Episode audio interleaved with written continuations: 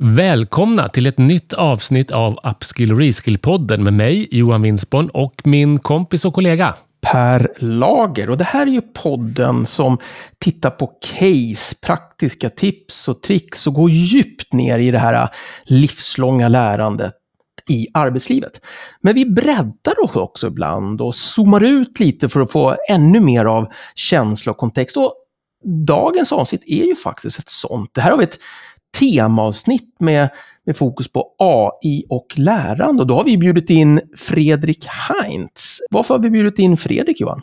Fredrik är ju professor i datavetenskap vid Linköpings universitet. Han är en av våra ledande experter inom området för artificiell intelligens och han har också ett särskilt intresse för det här med lärande kopplat till AI och är oerhört aktiv på olika sätt inom just utbildningsfrågor. Han har också en gigantisk meritlista. Bland annat är han ordförande i Svenska AI-sällskapet. Han är föreståndare för forskarskolan WASP och han är koordinator för Europeiska AI-nätverk och dessutom ledamot i Kungliga Ingenjörsvetenskapsakademin. Bara det. När jag träffade Fredrik här i slutet av sommaren så gav han en så bra blandning av både insikter i hur AI kan komma att förändra lärandet i grunden, men också hur man som medarbetare, skola, företag och organisation rent praktiskt kan börja rusta redan nu för att möta framtidens lärande. Och det är ju något som våra lyssnare också måste få höra Fredriks tankar om, tänker vi. Och det ska ni få göra nu tillsammans med en av världens främsta AI-forskare.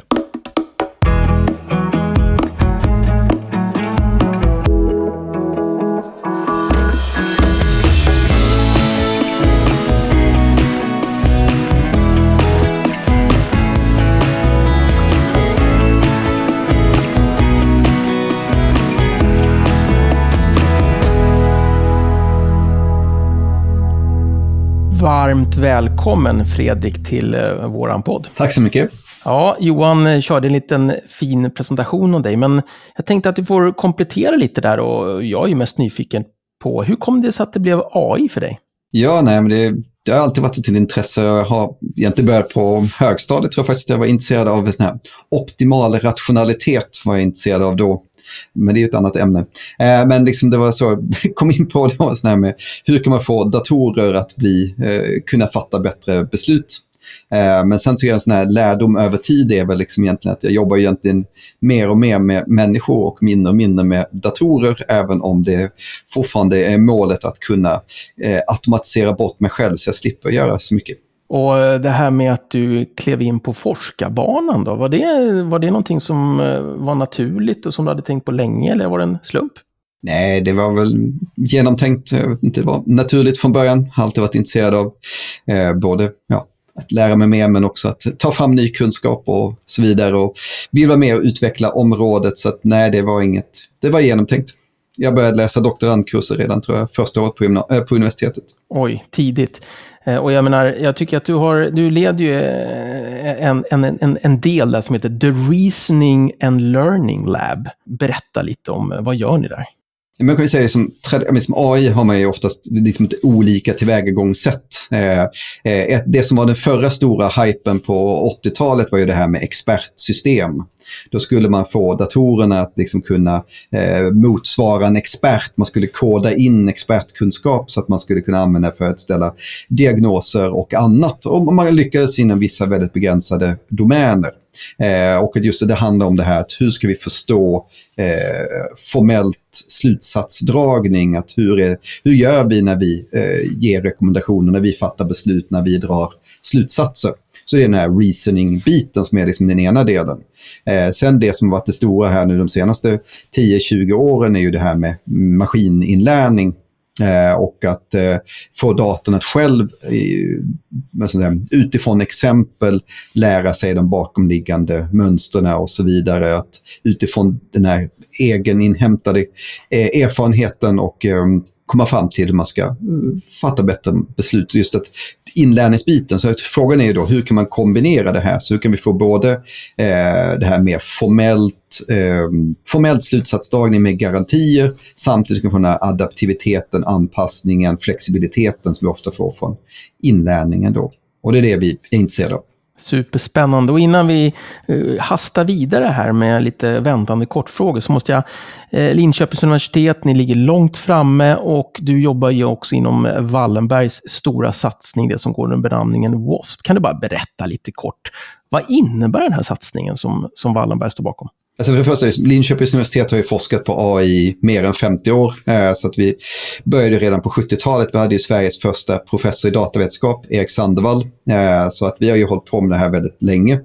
Eh, också varit det här VASP-programmet, Wallenberg AI Autonomous Systems and Software Program, som startade 2016 här för mig. Möjligtvis 2015, lite gränslandet där. Men liksom att det utgår ju från den här realisationen att om Sverige ska vara en ledande industrination i framtiden så måste vi ta fram ny kunskap.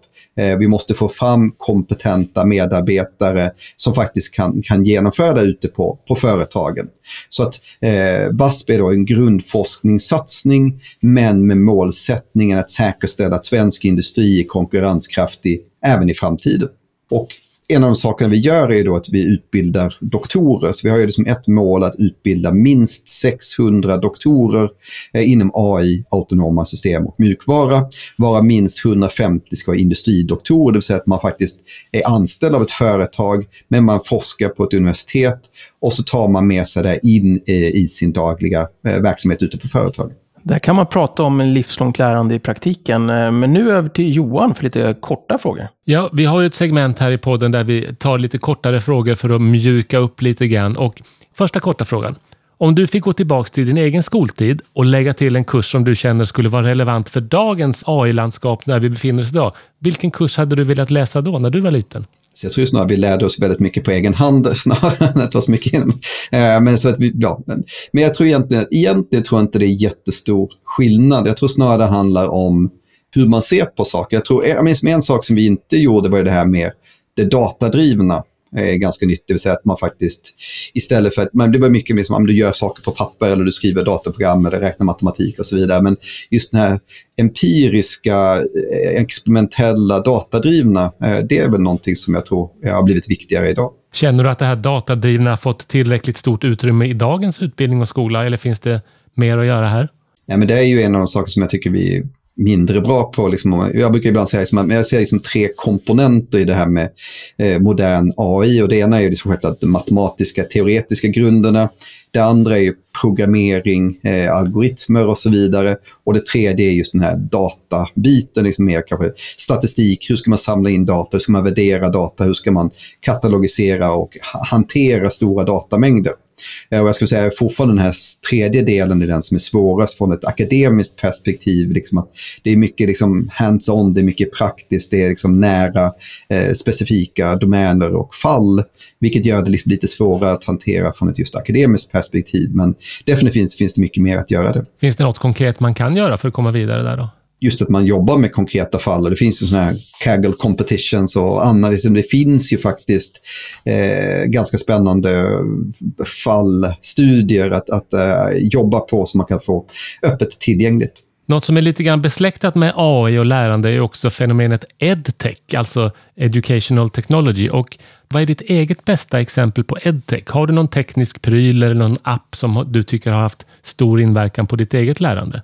Ja, jag är egentligen ganska dålig på att använda teknik. Jag, just när jag, jag, jag är inte så prylintresserad över, överlag faktiskt själv eh, alls. Det är när man får låta barnen hitta, visa saker som man ska använda. Men, men jag tror ändå liksom sådana saker som jag faktiskt har använt är ju det här med, med såna här flashcards och grejer. Det fanns en sån här Anka, eller vad tusan den hette, innan. Liksom man ska lära sig språk och man kunde även lära sig fakta.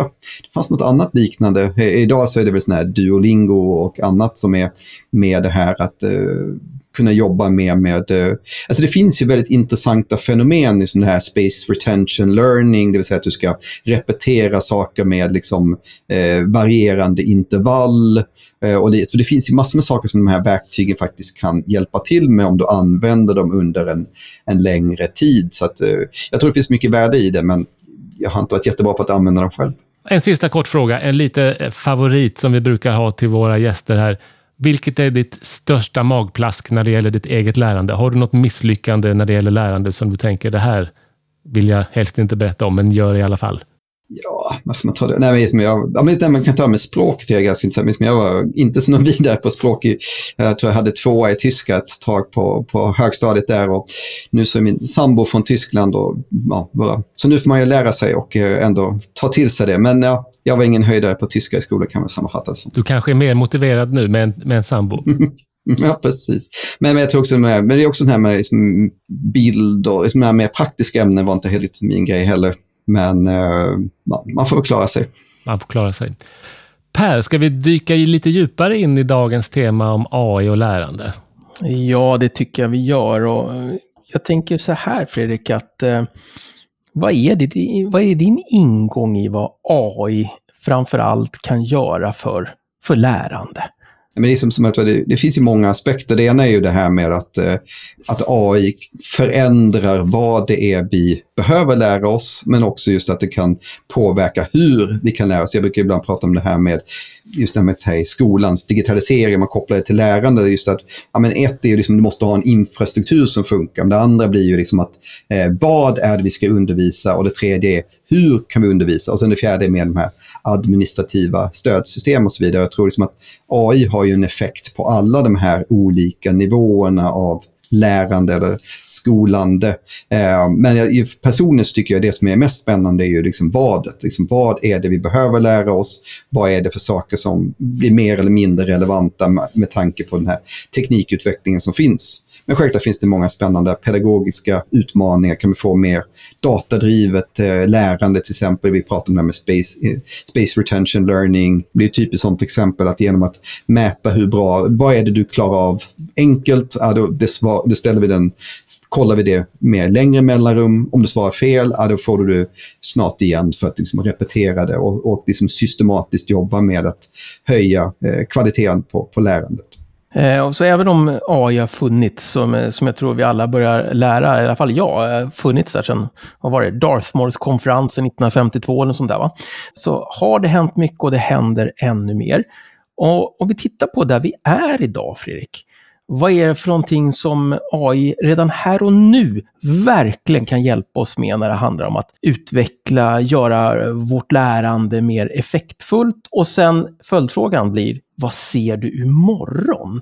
När du, när, när du då sitter inne lite med kunskapen om vad AI är på väg. Vad skulle AI kunna hjälpa oss med framöver när det handlar om att effektivisera lärandet eller ersätta? Om vi börjar idag. Nej, men så det vi ser är att liksom idag så är AI väldigt kraftfull, liksom funkar väldigt fascinerande bra på många saker. Det, jag brukar använda med perception, liksom att förstå sin omvärld, att liksom tolka bilder, tolka ljud och så vidare. Just det med Eh, bildigenkänning, bildbehandling, men också röststyrning och liknande.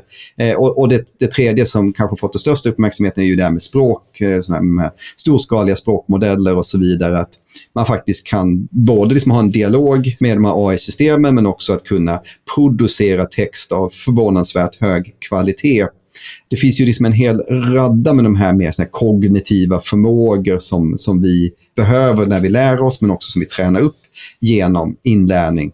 Eh, så att jag, jag, ser ju liksom hela, hela det här spektrumet. Men, men det som jag tror får störst effekt är ju ändå det här med, med språk. Liksom att vi lever i ett samhälle och har liksom en kultur som är språk, byggd på språk. Och att då kunna tolka, förstå, sammanfatta, producera ny text blir ju väldigt, eh, får ju stora konsekvenser för det här med lärande. Och där blir det intressant, liksom, men hur ska man då använda det i själva lärsituationen?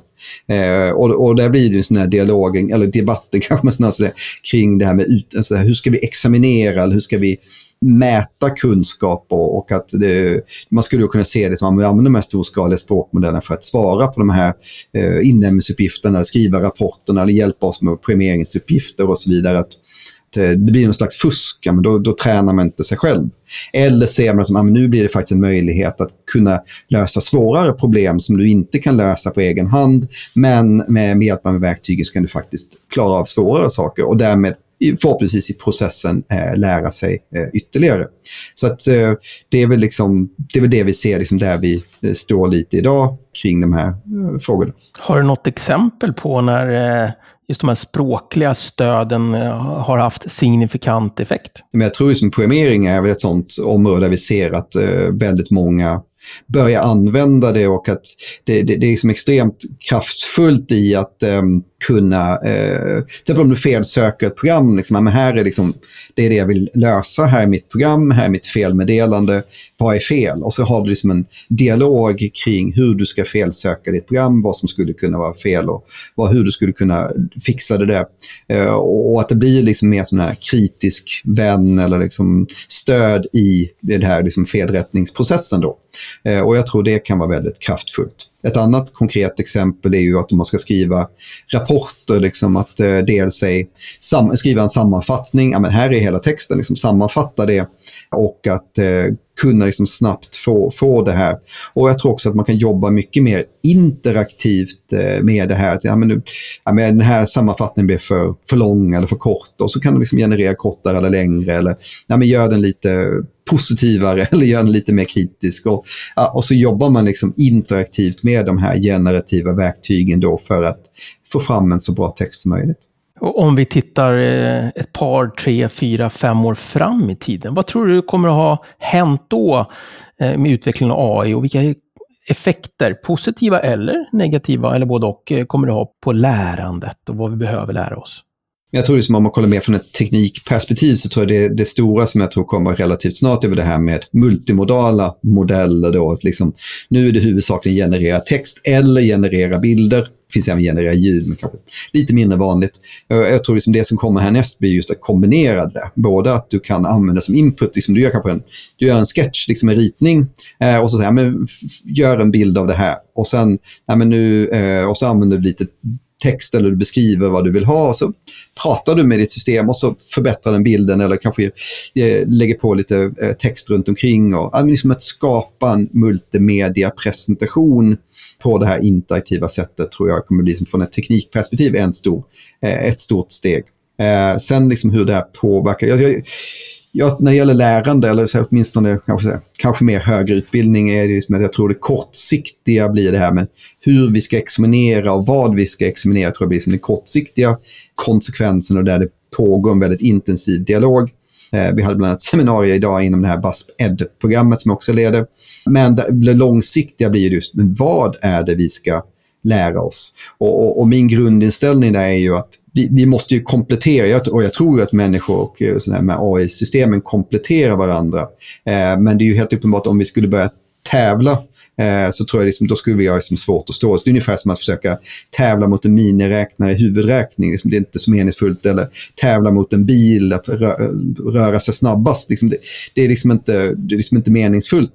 Eh, utan snarare blir man hur använder vi nu det här? Liksom att givet att vi har nej, miniräknaren för huvudräkning eller vi har bilen för transport, hur använder vi det och vad är det vi, hur kompletterar vi det här på bästa sätt? Jag funderar där Fredrik, för när du nämnde de här multimodala modellerna och även det som sker redan idag med språkmodeller, utmanar inte det hela utbildningssystemet på ett väldigt enormt sätt? Alltså ifrågasätter vad vi faktiskt gör inom utbildnings-Sverige på olika sätt?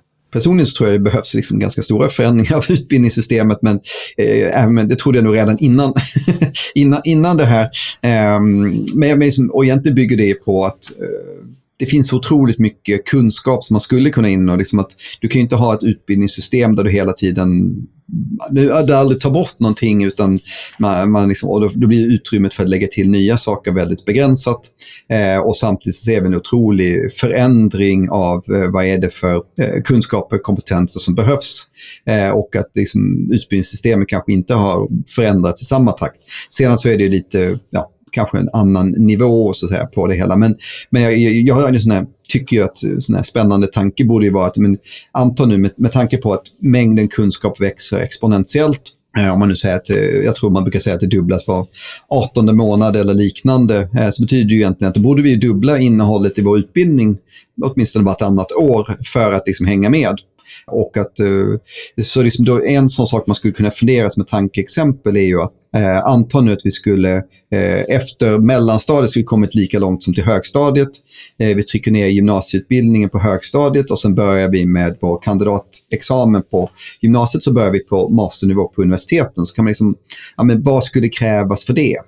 Eh, eller eh, om det nu är så liksom att det finns otroligt mycket mer kunskap än vad liksom, någon enskild, liksom, ingen individ kan ju kunna allt självklart, men att Eh, man kanske snarare ska komma bort från det här individfokuserandet, liksom, mer se det som populationsbaserat. Liksom, att det, det viktiga är att vi som samhälle täcker in all den här kunskapen än att enskilda individer kan ungefär samma sak.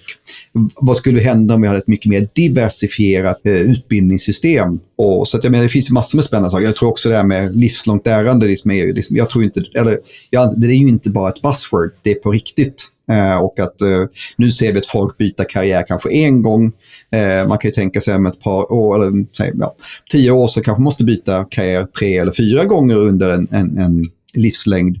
Eh, och att eh, mängden kunskap vi, vi lär, behöver lära oss på jobbet är ju liksom oändligt mycket större än det vi lär oss i det formella utbildningssystemet. Så jag tror ju att jag tror konsekvenserna av det här är precis att eh, vikten av att lära sig mer och de, de, det kan ju också bli att de här individerna, de här organisationerna som blir bäst på att lära sig är de som får, ja, de som lyckas bäst helt enkelt.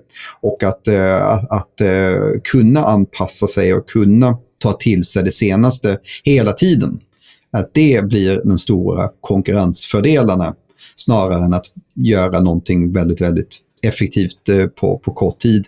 Eh, så jag tror att det kommer bli ganska stora effekter och påverkan på eh, inte bara utbildningssystemet men också liksom fort och vidareutbildning. Så att eh, ni ligger helt rätt.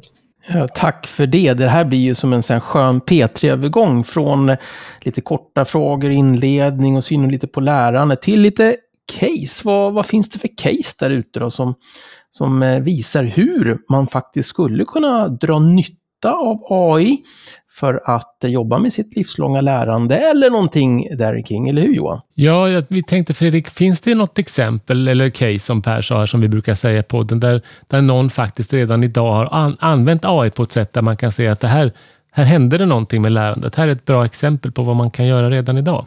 Jag tror det som ändå är ganska intressant, man, man tar sådana här, jag tror det finns ganska en, förhållandevis enkla exempel, till exempel det här med Duolingo eller Sana Labs i, i Sverige här, där man just jobbar med det här att kunna eh, utvärdera liksom, vad, hur, hur, bra är en individ i ett område. Så just att bedöma kunskapen och sen liksom, eh, välja eh, övningar baserat på individens nivå. Det här med person, personifierat lärande, eh, men också liksom att kunna få snabb och omedelbar återkoppling. Eh, men det är ju liksom ett, eh, ett exempel då, som, som har funnits eh, ett tag. Jag vet ju att Khan Academy håller på att bygga in det här i sin, sin matteundervisning eh, och liksom just att eh, återigen kunna liksom både skapa eh, ny, nytt material men också att kunna Eh, utvärdera, eh, examinera eller så här, ja, bedöma folks förmåga på, på mer effektivt sätt. Så jag tror det finns, det finns liksom exempel på många, men jag tror, jag tror det som är nytt och det som jag ser är väl mer att tidigare har det varit väldigt mycket tillrättalagd om det är flervalsfrågor liksom och att det blir enkelt att rätta. Det vi ser är ju att tack vare till exempel de här språkmodellerna så kan du faktiskt bedöma uppsatser eller fritextsvar på ett helt annat sätt. Du kan liksom generera eh, individualiserade uppgifter i textformat återigen automatiskt. Så att jag tror att det har ju ändå tillkommit förmågor som inte fanns tidigare eh, och att de förmågorna som fanns där tidigare har ju som signifikant eh, utökats. Betyder det att lärare och utbildare ska vara rädda om sina jobb nu här, att de försvinner? Jag tror det handlar om hur man ser på lärarens roll i en utbildningssituation. Eh, och att jag tror fortfarande att väldigt mycket lärande är so so socialt. Eller, ja, det är faktiskt liksom i sam samröre med människor som vi vill lära oss och vi vill diskutera och igen diskutera så, så lär vi oss bättre. Eh, så att jag, tror, jag tror det kommer bli en blandning. Eh, och jag tycker det finns ett intressant eh, exempel från Anders Erikssons bok eh, Peak där han studerar just expert, eh, liksom hur blir man expert? Och, det han såg var liksom att du behöver en lärare, eh, till exempel om du tar musik som var som ett sånt exempel att titta på, var att du behöver en lärare tills du kommit till den nivån då du kan höra om du själv spelar rätt eller fel. När du kommit till den nivån då du kan höra om du spelar rätt eller fel, ja, då kan du börja träna själv Och det är när du tränar själv på egen hand som du kan få massträningen som du behöver. Sen kommer du upp till någon slags platå, där man har kommit så långt som du själv klarar av att uh, leda dig och då behöver du igen en, en, en tränare eller lärare för att ta dig vidare. Eh, och det är ju samma sak på elitidrottare. Liksom, du behöver det utifrån perspektivet för att kunna ge dig återkoppling. Eh, och att där tror jag liksom en, en hel del av det skulle ju då kunna stödjas av eh, mer automatiserade system. Så det kanske är att eh, lärarens roll blir mer att eh, dels kanske träna upp de här systemen i första hand, men sen också att välja eh, och att kanske man blir mer coach än eh, vad säger, föreläsare, den som ska eh, veta alla svaren. Sen så, en annan sån, kopplat till det tycker jag också intressant att eh, det finns ju någon slags föreställning just att läraren är den som ska kunna alla svaren. Eh, och jag tror det kan också bli en sån här skillnad, alltså som jag ser en skillnad mot de här AI-baserade systemen är oftast väldigt bra på att svara på frågor, vilket gör att det blir viktigare då att ställa frågorna och att bedöma resultatet eller svaret, liksom kritiskt granska det som produceras. Så jag tror det kan bli som en, en skiftning från att svara, alltså kunna lösa problem eller svara på frågor till att ställa rätt frågor, att formulera rätt problem och att sen bedöma eh, resultatet. Eh, och att på samma sätt blir det då från ett lärarperspektiv, liksom att läraren går från att, amen, vad är svaret på det här till att, hmm, det vet jag inte, men låt oss ta reda på det tillsammans. Eh, och liksom mer procedurellt, om man säger så. Liksom, hur går jag tillväga för att svara på det här med hjälp av verktyg eller inte? Och att vi tillsammans resonerar oss fram till hur vi ska lösa den här uppgiften och att det blir liksom då lärarens roll, blir liksom mer en, en vägledare. Så kan vi gå tillbaka till den här gamla Sokrates och ställa frågor-metoden. Ja, lite Jeopardy där. Jag tänkte på, här kom det ju massa spännande exempel på case och företag. Men om vi zoomar ut och tänker lite internationellt. Hur står sig Sverige och svenska företag och svenska lärosäten när det, när det handlar om att utnyttja AI som en kraft i lärandet? Ligger vi före, efter eller någonstans mittemellan? Det ligger väl någonstans mittemellan, gissar jag på. Eh, alltså, jag tror, det som är intressant är ju att jag upplever att man ändå har en väldigt positiv attityd. Jag upplever, man, det är inte så att man ser det som ett jättehot eller nu ska vi förbjuda allting, utan snarare ser det som, liksom, men hur ska vi faktiskt använda det här? Samtidigt så upplever jag att vi, vi vill faktiskt göra det på ett säger, systematiskt och ansvarsfullt sätt, så vi ska liksom inte bara rusa på hej, hej vilt heller. Eh, så jag tycker nog att vi har en ganska eh, sund, sund approach där. Eh, sen så finns det väl liksom andra utmaningar, kanske just mer med ja, utbildningssystemets eh, inneboende tröghet och liksom att vi, vi, det är inte så lätt att förändra den typen av system. Eh, så att jag tror vi inom, inom de ramar vi har tror vi eh, gör det förhållandevis bra. Sen så tror jag vi behöver kanske förändra de här ramarna och eh, eh kunna möjliggöra eh, större förändringar eller liksom, ja, ja, dra, dra mer nytta av det helt enkelt. Tack så mycket Fredrik. Alltså, Johan, eh, nu tror jag att det är dags för den här pausen för att kunna reflektera lite. Tycker du inte det? Jo, vi har ju Fredrik en paus här i programmet där vi kan reflektera och ta in mycket av det du har sagt. Och Det kommer man inte hinna under den här pausen för det är så oerhört spännande och omvälvande saker vi får höra av dig. Men du nämnde ju musik nyss och det ska du få höra nu. Nu blir det nämligen lite musik med Ann Winsborn.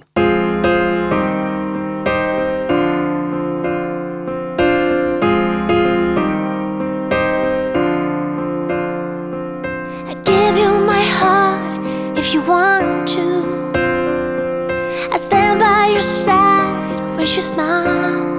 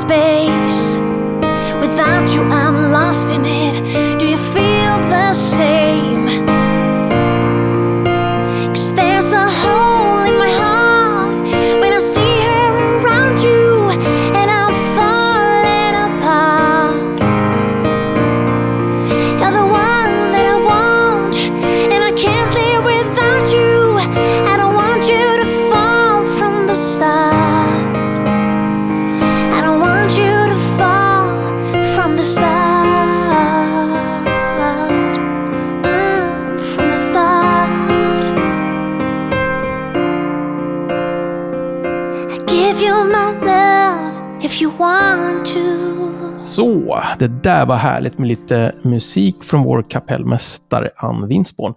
Fredrik eh, Case, det gillar vi ju i den här eh, podden och någonting som jag och Johan fullständigt älskar, det är ju den här eh, onlinekursen, eh, grunderna i AI, eller Elements of AI, som har funnits ett tag.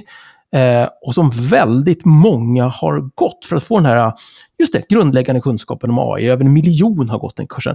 Och jag vet ju Fredrik att du har ju varit med och tagit den till Sverige. Kan du ge en liten bakgrund? Hur kom man fram till den där kursen och utbildningen? Ja, nej, det stämmer. Vi blev eh, tillfrågade liksom om vi kunde tänka oss att eh, införa den på, på Linköpings universitet här eh, för några år sedan just med, i dialog med eh, AI Sweden och eh, Helsingfors universitet som då tagit fram den. Eh, och Eh, jag lyckades övertyga vår dekan att det här var en bra idé. Eh, och vi lyckades faktiskt införa den på bara några månader. Så jag tror det här var i januari, februari någonstans och eh, kursen började formellt sett till hösten. Men vi hade lansering redan i maj Eh, och att just det vi gjorde var ju då att eh, översätta den här kursen från finska till eh, svenska. Eh, och att sen så har vi då liksom examinerat den här från Linköpings universitet så man kan få två stycken högskolepoäng eh, om man har gått den här öppna online-kursen. Och jag gillar ju det här, jag tycker det är liksom ett väldigt spännande format. Det vill säga att man har en öppen online-kurs som vem som helst kan gå när som helst, helt i egen takt. Eh, och att eh, sedan, om man har klarat det och man är då antagen, formellt antagen till motsvarande universitetsutbildning, så kan du dessutom då få högskolepoäng för det. Eh, och det som jag tycker gör just Elements of AI extra intressant är ju att eh, i upplägget, och liksom- det är det som är så lyckat, att det är liksom bara sex delar. Det är liksom eh, inte jättemycket eh, tid som förväntas lägga ner, men på de här sex delarna lyckas man ändå täcka in liksom, vad är AI? Man tittar på de här mer vad säger, datalogiska eller liksom formella eh, sätten liksom använda eh, sökning för att spela spel som eh, luffarschack eh, till att liksom förstå men vad är det här med maskininlärning, hur funkar de här neuronnäten, de neurala nätverken som är grunden i dagens deep learning, till att avsluta med de här samhälleliga aspekterna och etiska eh, aspekter på, på AI. Så liksom att även om den är, den är liksom kort eh, så lyckas den ändå gå förklara de här buzzwordsen och ta ett steg bakom och faktiskt visa men hur funkar det egentligen? Eh, och det är det som jag tycker den, gör den så intressant. Så det är ett bra exempel på smart lärande med andra ord. Mänskligt dessutom. Även om vi har automatiserat det mesta. Så att det är som, eh, som att du sa ju att eh, det är ungefär drygt en miljon som har gått eh, den här onlinekursen. Eh, men vi har ju examinerat mer än 7000 personer på den här kursen. Eh, och att, eh, så vi har ju liksom automatiserat den största delen av eh, hanteringen av de här kurserna. Så det är också liksom att jag tycker det är intressant med den här typen av kurser som så driver på hur jobbar vi med, eh, ja, i det här fallet, liksom administration och examination och eh, inrapportering av resultat.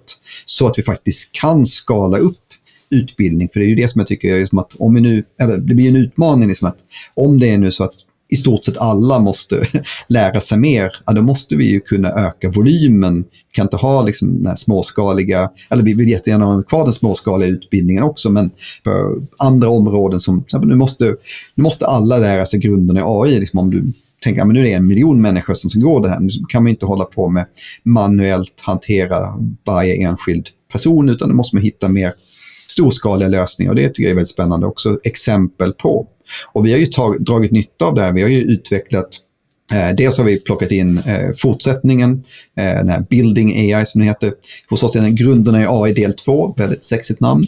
Eh, men eh, sen sen har vi då även tagit fram egna kurser i grunden i maskininlärning, så är en av våra eh, forskare här, Fredrik Lindsten, som också har med skrivit en lärobok på området. Ja, då kan man bygga vidare på den. Eh, vi har Marco Kuhlman som är professor i just eh, naturligt språk och den här behandlingen, NLP. Så han har tagit fram en kurs i AI och eh, naturligt språk eh, som då också är som samma format. Vi har även en kurs i cybersäkerhet. Så att vi, vi liksom försöker hitta, den här, dra nytta av det här kursformatet och att då ta fram andra kurser som, som påminner om det. Jag tycker att det här är ett sånt fantastiskt bra exempel och jag tycker att det är så kul också, för ni har ju använt liksom AI själva genom att automatisera kurserna och sådär i AI. Men ni också kommer med så här fantastiska pedagogiska tips till de som vill gå den här kursen. Till exempel så rekommenderar ni att man ska starta en studiecirkel eh, när man går den här kursen. Kanske ensam inte stark när man går en sån här onlinekurs. Eh, det tycker jag är så fräscht att eh, ha hela den pedagogiska bredden när man lanserar men, men vad tror du att det gett för effekt då sen ni startade? Förutom att eh, nästan en miljon har gått igenom kursen, 7000 examinerade, kan ni se några andra effekter? Stöter du på det där ute? Ja, men vi, vi, det är ju väldigt många som pratar om det och alla verkar ju positiva. Jag har hört väldigt få negativa kommentarer om den. Så det visar ju på att den faktiskt eh, fångar folks intresse. Jag tror den är, förhoppningsvis har den bidragit till att höja kvaliteten på samtalet och att få fler att faktiskt förstå vad är, vad är det här egentligen. Och jag tror också det är, en sån här, att det är, liksom en, det är ett första steg att ta sig vidare. Så jag tror att det har liksom möjliggjort för sig företag. Liksom, men, vi vill komma igång med det här, men var börjar vi? Ah, okej, okay. här börjar vi. Eh, så att det blir liksom en naturlig startpunkt. Så jag hoppas liksom man sänker trösklarna för att börja jobba med det här eh, och så vidare. Så jag tror det har eh, många sådana positiva effekter. Något som jag tycker är väldigt spännande det är just hur ni ser på det här med att här måste man skala upp. Och jag, vi har pratat om det ganska mycket i podden. Hur kan man liksom ta framgångsrika saker och skala upp dem? Här är du ett konkret exempel på hur man faktiskt lyckas med det. Har du några andra exempel på, på hur man liksom kan skala upp inlärning när det behövs? En annan sak som vi har gjort i andra kurser är ju alltså just hantera heterogenitet. För en konsekvens för att skala upp är oftast att ha betydligt större bredd av både massa intressen, förkunskaper, ja, hur, hur motiverad man är och så vidare. Att liksom göra den här typen av mer eh, indelningar i olika grupper utifrån hur man vill angripa det här. Eh, så, jag var ansvarig för vår inledande programmeringskurs tidigare. Och då, då gjorde vi liksom tre grupper. En som var med med en sak i taget. Ja, för dig som känner dig lite kanske osäker. Du vill, inte, du vill känna igen vad du gör. Så att det är verkligen successivt bygga nerifrån och upp. Vi hade en grupp som var väl den stora, var liksom med det här experimentera. Men jag gillar hands-on. Vi gör saker. Vi, vi, vi, vi, vi testar på och så ser vi vad som händer och så lär vi oss från det. Och sen den tredje var då mer analysera och diskutera. Det var de som mer ville gå bortom eh, kanske innehållet. Men liksom examinationsmomenten var detsamma. Så man skulle uppnå samma saker inom kursen. Men hur man uppnådde det, ja, men det kunde man välja. Och i, i vårt fall så hade vi liksom fyra parallella seminarierum. Så det var bara att välja. Du kunde gå till olika varje gång. Så det var inte så att du var tvungen att boka in det på det ena i förväg. Utan ja, gå, gå till det rum som passar dig. Eh, och sen så fick man liksom lite olika ingångar till det, men ändå med samma mål. Fantastiskt Fredrik. Det är sådär kul att höra eh, någon som Eh, är professor och brinner för pedagogik och tänka innovation i upplägg. Eh, superinspirerande, det tror jag många lyssnare tänker också. Men jag tänker att eh, vi ska börja gå ner för landning alldeles strax. Och vi kommer med korta frågor i början och nu kommer vi med lite mer så hiss eller diss. Man kan också säga att det är korta frågor. Kan bli korta svar, Fredrik, men det kan också bli lite utvidgning. Men vi stöter ju på folk som säger att AI tar jobben. Är det sant? Jag tror inte AI kommer ta jobben, däremot tror jag den kommer förändra jobben. Eh, och, eh, det kom ju ett antal rapporter för tio år sedan som sa att 50% av alla jobb skulle försvinna.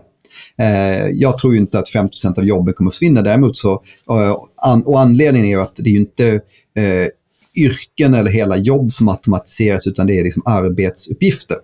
Så att om man tittar under ytan så ser man ju då att ja, men det kanske mellan säg, 30-60% av det du gör på jobbet, de aktiviteter du gör, det kan automatiseras. Och det kommer ju då troligtvis automatiseras förr eller senare. Vilket betyder att innehållet kommer att ändras. Eh, samtidigt så ser vi ju liksom att förväntningar, liksom vi, vi måste ju ja, eh, kunna hantera allt fler fall eller liksom kunna få mer gjort på samma tid. Eh, så att på så sätt är det ju bara en fördel. Men jag tror liksom slut, konsekvensen blir att jag, jag, tror inte 50% av jobben kommer att finna. Däremot tror jag att stort sett 100% av alla jobb kommer att förändras. Eh, och att det, det, kommer säkert bli lite turbulent i början tills vi har hittat eh, det här. Men jag tror totala mängden jobb kommer nog gå ganska jämnt ut. Du ska få en sån här fråga till. Och det är någon, någon faktiskt en fråga som jag och Johan får ganska ofta. Och det är eh, när AI breder ut sig ännu mer, kommer vi då behöva lära oss mer eller behöver lära oss mindre på grund av eller tack vare AI? Ja, där tror jag det blir ju både och på sätt och vis. Det vill säga att å ena sidan så tror jag att eh, AI har ju en, åtminstone en potential att sänka trösklar. Vi, vi pratade med programmering tidigare, liksom att eh, det kan ju, har du liksom en co-pilot som kan jättemycket programmering. Kanske inte du behöver kunna så mycket programmering, du behöver mer, ja, du använder det här verktyget Ehm, men å andra sidan, om du faktiskt vill bli bättre än verktyget, om du vill kunna göra någonting som det inte kan göra, ja, men då troligtvis kommer det krävas mycket mer av dig. Så att jag, jag tror liksom någon slags säga, vardagsanvändning, ja, men då kommer du behöva mindre. Du kommer säkert med mindre kompetens eller mindre som egen kunskap kommer du kunna göra mer avancerade saker eh, än vad du kan göra idag. Men vill du liksom faktiskt eh, gå bortom eh, verktygen, ja, då tror jag kommer, komma, kommer krävas mer. Så både och. Superintressant. Ja, Johan, är det dags för en avrundning nu? Ja, efter den här diskussionen och jättespännande samtalet med Fredrik så ska vi runda av lite. Och det finns så väldigt mycket som du berättar om AI här som jag tänker att det här kommer ändra allt som vi tänker kring lärande idag på så många sätt. Men för våra lyssnare som redan idag eller imorgon vill göra någonting, ta till sig någonting, sätta igång med det här. Medarbetare, ledare, företagare, utbildningsanordnare. Har du några tips? Vad kan de göra redan idag efter de stänger av lyssningen här eller imorgon när det gäller AI och lärande? Ja, men det mest självklara är självklart, gå grunderna i AI. det är liksom ett väldigt lätt att börja med. Men sen det andra tror jag också att man måste nog, jag brukar säga ge råd, liksom att vad ska man börja med? Och där finns ju en tendens att eh, man väljer, men det vi känner till, liksom det vi verkligen kan, det är där vi börjar. Men det, det, jag tror det är helt fel väg att gå. Jag tror snarare att, men vad, är, vad har ni för problem i er verksamhet som ni inte kan lösa med dagens metoder eller så som ni jobbar idag? Men det är ju där det stora värdet finns. Kan ni använda AI-teknik för att kunna adressera det? För då blir det ju att ni, ni tillför någonting. Så att liksom, även om det inte lyckas perfekt, men det blir ändå bättre än idag, så har ni verkligen tillfört värde till organisationen. Eh, och, man, eh, och att eh, det visar liksom på vad som skulle vara möjligt. Så att det är väl en annan sån rekommendation. Och, och det tredje är väl att jag ser det här väldigt mycket också som en ledningsfråga. Jag tror det är väldigt viktigt att ledningen visar att det här är viktigt, det är någonting vi bör göra, det är någonting vi ska satsa på. Sen ser jag först över till att det finns massor med kompetenta medarbetare som sen kan utföra det, men man måste ändå skapa förutsättningarna, man måste skapa eh, utrymmet att kunna göra det och sen tror jag att man kan släppa medarbetarna eh, lösa, liksom faktiskt lösa det. Så här ser du AI som ett gyllene tillfälle att faktiskt de som ledare eh, identifiera de här gamla surdegarna som aldrig blir lösta och faktiskt få lite hjälp med det. Nya perspektiv på gamla problem. Vilken underbar avslutning på ett eh, härligt samtal, Fredrik. Eh, jag vill bara säga stort tack för att du tog din, eh, din tid och sitta ner och prata med oss om AI och lärande. Och det ska bli så spännande att följa vad som kommer härnäst inom både din egen forskning och allt annat. Så ett eh, stort tack eh, från oss på Upskill och Reskill-podden. Tack Fredrik. Tack så mycket.